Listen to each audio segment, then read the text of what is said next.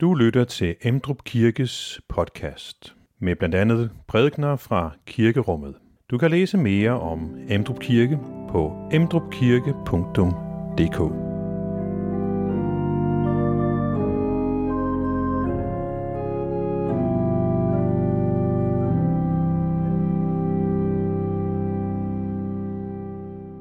Velkommen til gudstjeneste fjerde søndag efter Hellig Tre Konger. Det er stormvær udenfor, og det er stormvær i øh, teksten, som vi skal lytte til i dag. Så det øh, passer meget godt sammen. Øh, netop ind i den situation, der viser Jesus disciplene, hvem han er, hvor almægtig han er – og det er det, som er temaet her i Helligtrikongertiden, åbenbaringstiden af kirkeåret. Jesus afslører, hvem han egentlig er. Og det har betydning for os. Det skal vi øh, synge om i den første salme. Han, som kan stormen binde, hvem bølgen lyde må, han kan afvejen finde, hvorpå din fod kan gå. Der er en sammenhæng mellem Jesu almagt og så Guds ledelse af os i dag. Og det er det, som er temaet for søndagens gudstjeneste.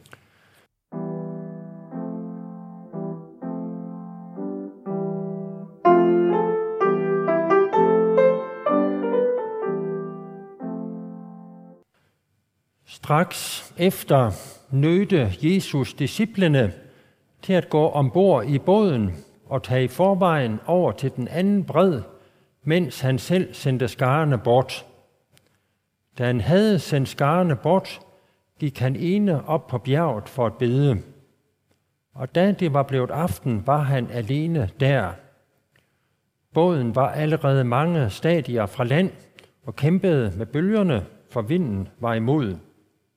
Men i den fjerde nattevagt kom han til dem gående på søen.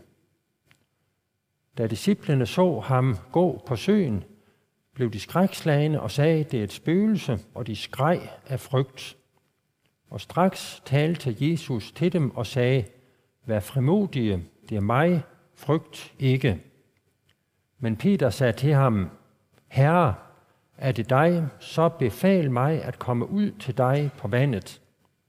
Han sagde, kom, Peter trådte ud af båden og gik på vandet hen til Jesus. Men da han så den stærke storm, blev han bange, og han begyndte at synke og råbte, Herre, frels mig. Straks rakte Jesus hånden ud, greb fat i ham og sagde, Du lidet trone, hvorfor tvivlede du? Da de kom op i båden, lagde vinden sig, og mændene i båden kastede sig ned for ham og sagde, Sandelig, du er Guds søn. Amen.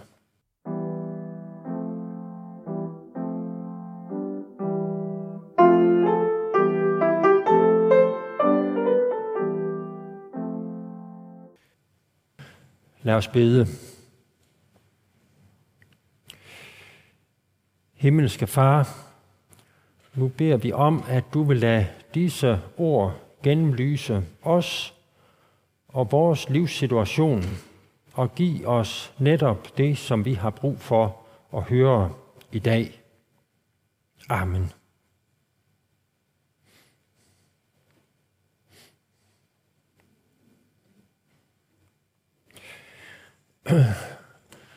Jeg tænkte, jeg vil starte med at fortælle lidt om, øh, om Søren, som øh, var en af vores studerende på, øh, på DBI for øh, cirka 12 år siden. Øh, han var et øh, par år før han kom til os, blev berømt i hele Danmark og Norge, fordi han havde øh, gennemlevet en øh, forfærdelig ulykke i Norge. De var seks unge mennesker, som øh, havde taget en motorbåd ud og sejle, og øh, så var båden gået i stå, øh, lige præcis i et øh, farvand med høj sø og, og stor blæst. Og øh, så kendte båden, og de seks unge mænd, de, øh, de havnede i vandet. Og øh, båden forsvandt, og så skulle de øh, kæmpe sig mod strømmen til den øh, nærmeste ø. Og det viser sig at være en øh, umulig opgave. De, øh, de kunne simpelthen ikke svømme i, mod strømmen. Og øh, Søren, han er uddannet livredder.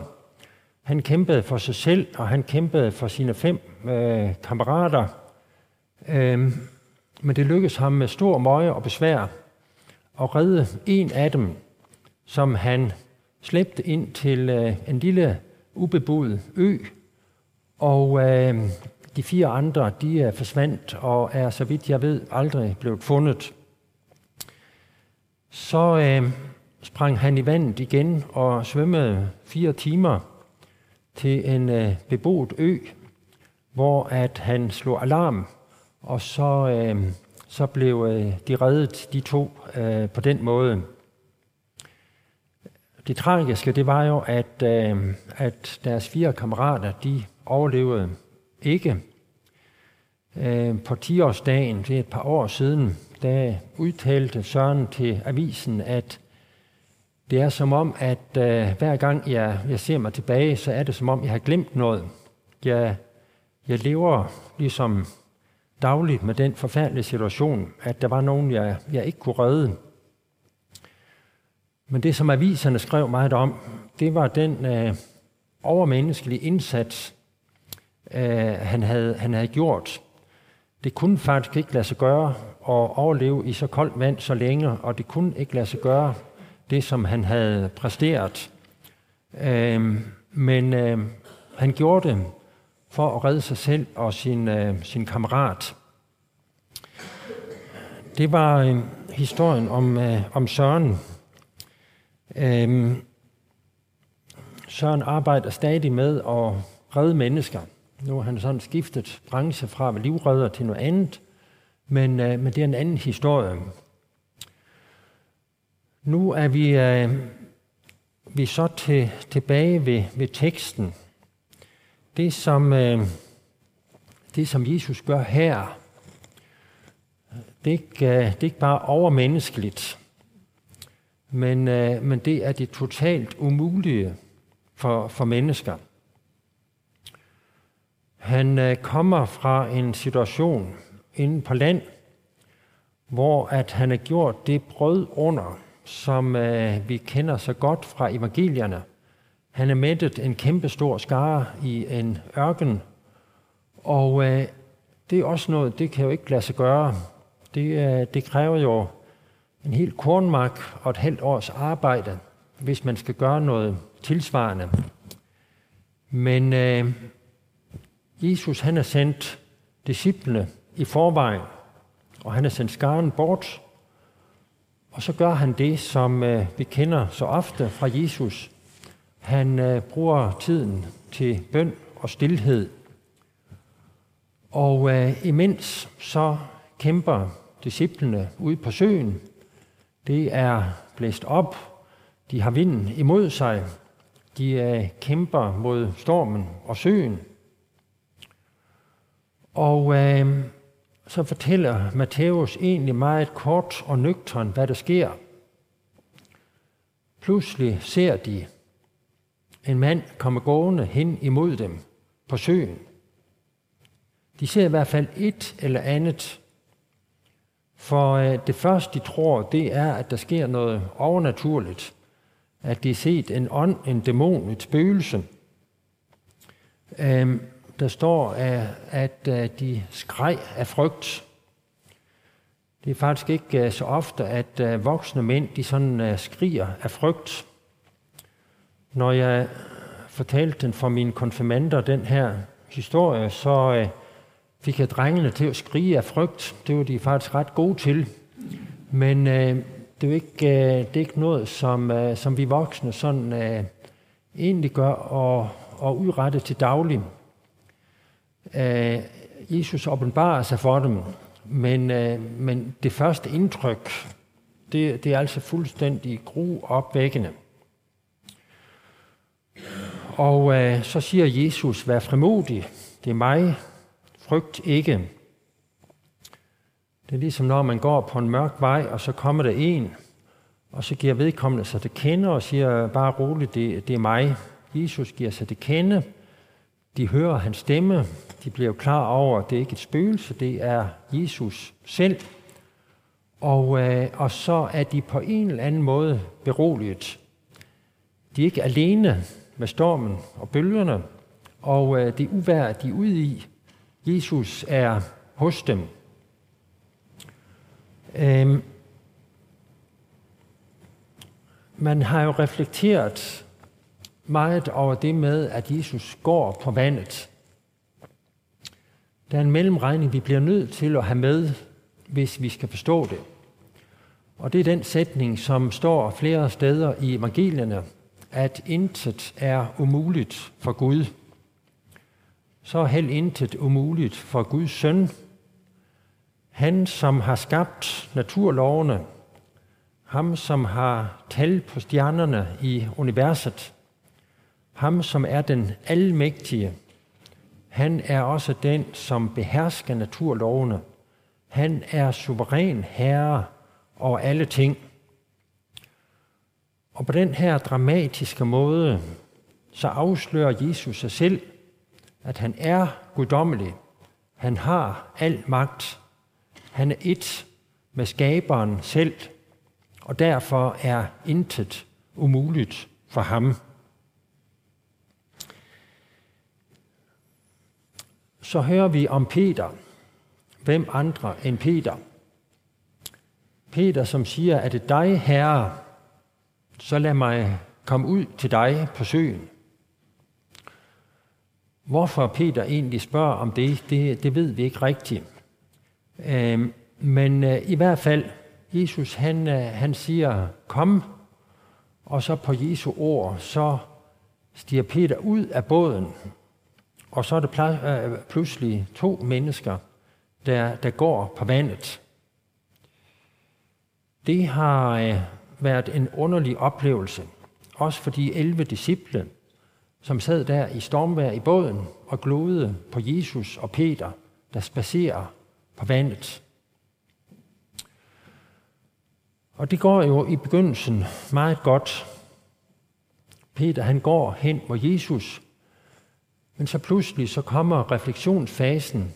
Han kigger på bølgerne, han mærker stormen, og, øh, og han tænker med, med sin fornuft, at det her, det kan man jo bare ikke. Og i samme øjeblik, han er fokuseret på det, så begynder han at synke, og så er det, at øh, Jesus griber hans hånd, da han råber, Herre, hjælp mig. Øhm, det billede, som øh, jeg har afbildet her, øh, et gammelt billede, som vi er hængende op i vores sommerhus, det, det skildrer lige præcis den situation.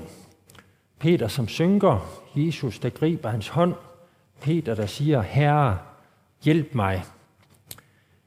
Øhm, Peter, han er altså både den, som går på vandet, og som, øh, som siger, Herre, hjælp mig. I det ene øjeblik, der kan han det umulige. I næste øjeblik, der er han totalt hjælpeløs, og så er hans tro bare et nøgen råb om hjælp.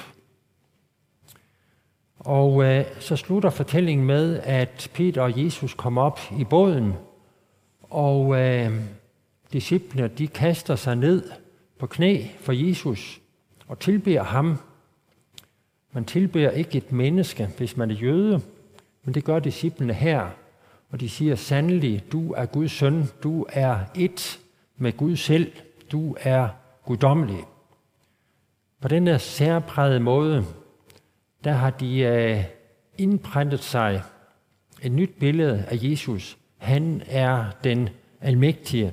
Han er den, som kan alle ting.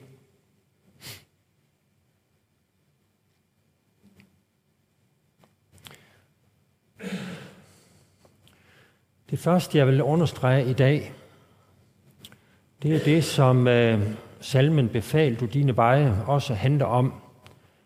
Det er, at intet er umuligt for Gud. Og det betyder, at intet er umuligt for Guds søn.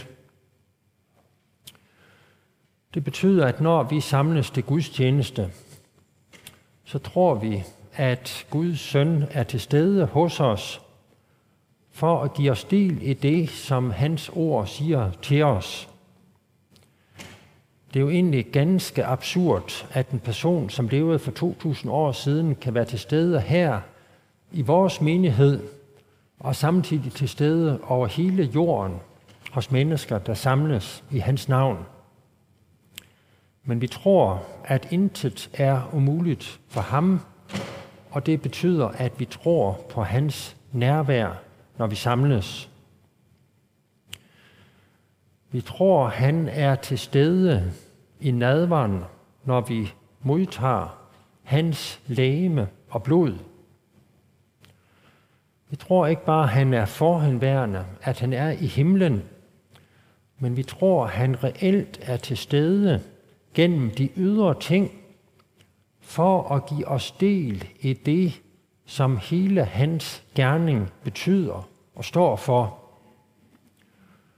Når de uh, ting siges til os, som egentlig er usynlige, søndernes forladelse, udødelighed, det evige liv, alt det, som uh, hans ord og løfte lyder på, så er det ud fra vores uh, forstand og vores normal tankegang, så, øh, så er det jo egentlig fuldstændig absurd. Men fordi intet er umuligt for Gud, så tager vi ham på ordet, og så tror vi ham på hans ord. Og når vi engang skal dø, så er de ydre omstændigheder jo, at vores krop den holder op med at fungere. Det er egentlig den ultimative hjælpeløshed, men vi tror, at døden er en indgang til herligheden. Vi tror, intet er umuligt for Gud, og derfor tror vi på hans ord og løfte.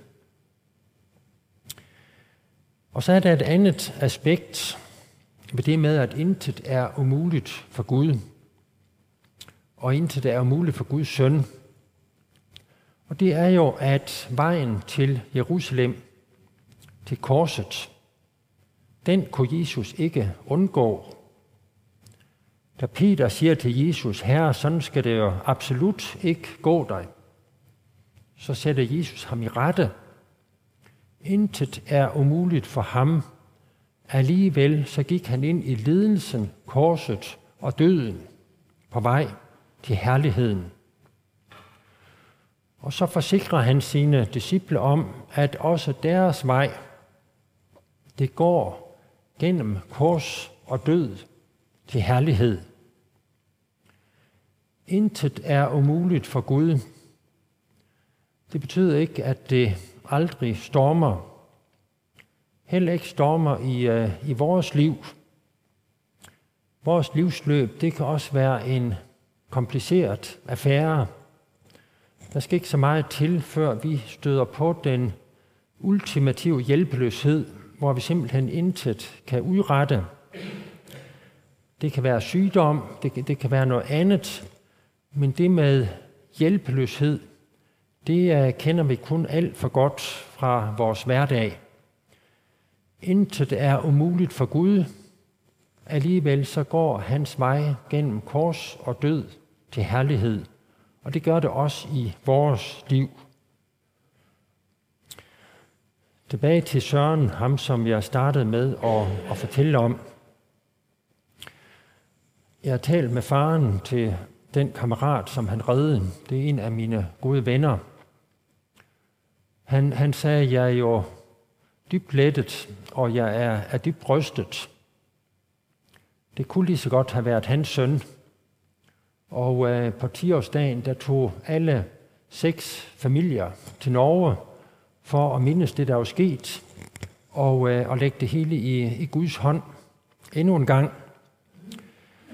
Jeg har faktisk også engang talt med en af de øvrige forældre til en, som, som mistede en søn. Og, øh, og jeg har hørt hendes beretning, hun har fortalt det til, øh, til øh, dagspressen, hvordan de bad og bad om hjælp, og øh, indtil det sidste håbet, at der måtte ske et under, og at deres søn måtte blive fundet i live, men hvor de til sidst måtte opgive håbet. Der er ting her ved det med Guds almagt, og så korsets vej, som vi aldrig forstår. Hvorfor to forældrepar, som beder om det samme, beder om Guds hjælp for deres børn. Den ene overlever, den anden overlever ikke. Der er ting her, som vi ikke forstår. Men pointen i salmen, befal du dine veje, det er netop, at det ikke er vores problem. Vi forstår det ikke, men vi overgiver det til Gud og hans varetægt og hans omsorg. så vil jeg gerne, at vi skal reflektere lidt over, over de to billeder her. Peter, som går på vandet, og Peter, som synker og som råber, Herre, hjælp mig. Fordi det er to af troens ytringer og udtryksformer. Nogle gange så kan, så kan troen udrette det, som er umuligt for mennesker. Og andre gange så er troen et hjælpeløst råb til Gud om hjælp. Hvis vi tager dem, som, øh, som byggede Emdrup Kirke her øh, for godt 60 år siden, øh, vi kender jo historien, i, øh, I 15 år så arbejder man for at få råd til at bygge kirken her. Egentlig havde man ikke råd, for øh, det var jævne mennesker, og det var en periode af historien, hvor at de fleste havde egentlig nok at gøre med at klare dagen og vejen. Alligevel havde de besluttet at, øh, at bygge kirken.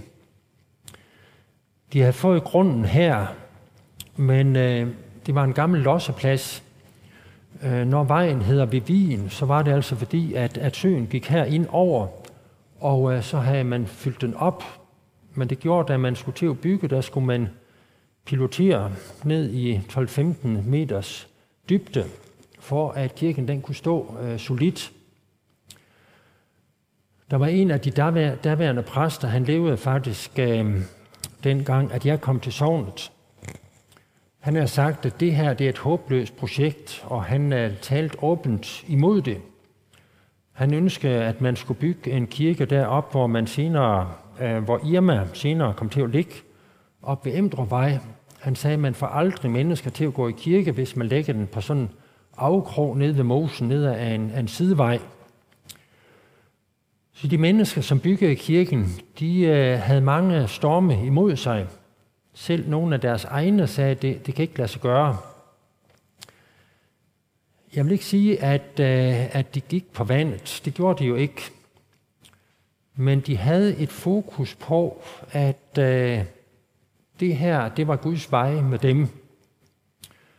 Og så knoklede de på i 15 år, og så byggede de kirken. Og siden så fyldte de kirken med børn og med unge og med ældre og fortsatte et, et hårdt og slidsomt arbejde, fordi de havde tro på, at øh, det var Guds vej med øh, lokalområdet. Og øh, den tro og det arbejde, det er jo egentlig det, som vi stadig lever med velsignelsen af. Vi har en lærer på, øh, på DBI, for at nævne et andet eksempel, han skulle egentlig overtage sin fars gård og være femte generation øh, på en landbrugsejendom i Vestjylland. Men han fik det sådan, at han skulle være missionær.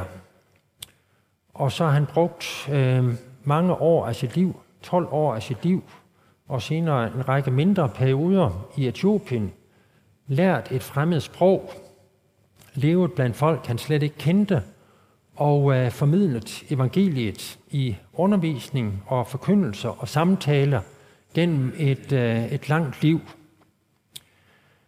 Det kræver faktisk en meget stor tro at forlade det, man troede skulle være ens erhverv, og rejse til et helt fremmed folk og øh, forkynde evangeliet der. Men hvis ikke der er nogen, der gør det, og hvis ikke der er nogen, der har gjort det en gang i fortiden, så havde vi i Danmark heller aldrig mødt evangeliet. Det er den ene side af troens væsen. Troen, som bare retter sit blik mod Jesus, mod hans ord og løfter, og så handler i overensstemmelse med det.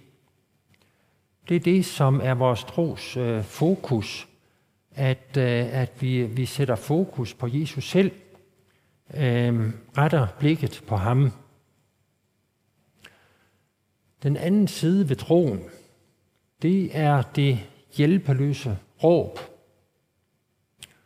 Og det er på mange måder troens mest normale ytring. Det er faktisk meget sjældent, vi hører om i evangelierne, at mennesker havde en stor tro. Vi hører faktisk kun om det to gange i løbet af evangelierne. Det viser sig, at det er faktisk hedninger, som Jesus fremhæver for at have en stor tro. Det normale udtryk, som Jesus bruger, det er i lidet troende, som man også siger her til Peter, og som han senere også siger til, øh, til de elve, som sidder i båden. Hvorfor, øh, hvorfor stole I ikke på mig, dengang I var i nød? Men midt i deres hjælpeløshed, så er troen altså det nøgne råb til Jesus om hjælp. Det er også øh, vores vilkår. Vi kommer tit ud for det, som vi ikke selv magter. Men der har vi altid en mulighed tilbage. Det er det hjælpeløse råb til Jesus. Hvis jeg har været med i båden, det har jeg aldrig ønsket, fordi jeg er ikke så søstærk, men havde jeg været med, så havde jeg absolut ikke været typen, som øh, var hoppet ombord og spaceret en, en tur på vandet. Jeg havde krybet sammen et eller andet sted, og, og tænkt bare, at det var, det var overstået. Jeg har langt lettere ved at identificere mig med Peter, ikke da han går på vandet, men da han synker og råber, hjælp, Herre. Men øh, det er også troens væsen. Det var det, som øh, Jesus sagde i teksten til sidste søndag, havde I tro som et sindopsfrø, så kunne det øh, omskabe hele verden. Den spinkle tro, som vi har, det skal en gang udløse Jesu genkomst, at himmel og jord forgår, og ny verden opstår. Kristus bygger sin kirke af os hjælpeløse mennesker, og han kan bruge os i sin tjeneste. Det er også tekstens budskab til os. Amen. Find flere podcast og læs mere på emdrupkirke.dk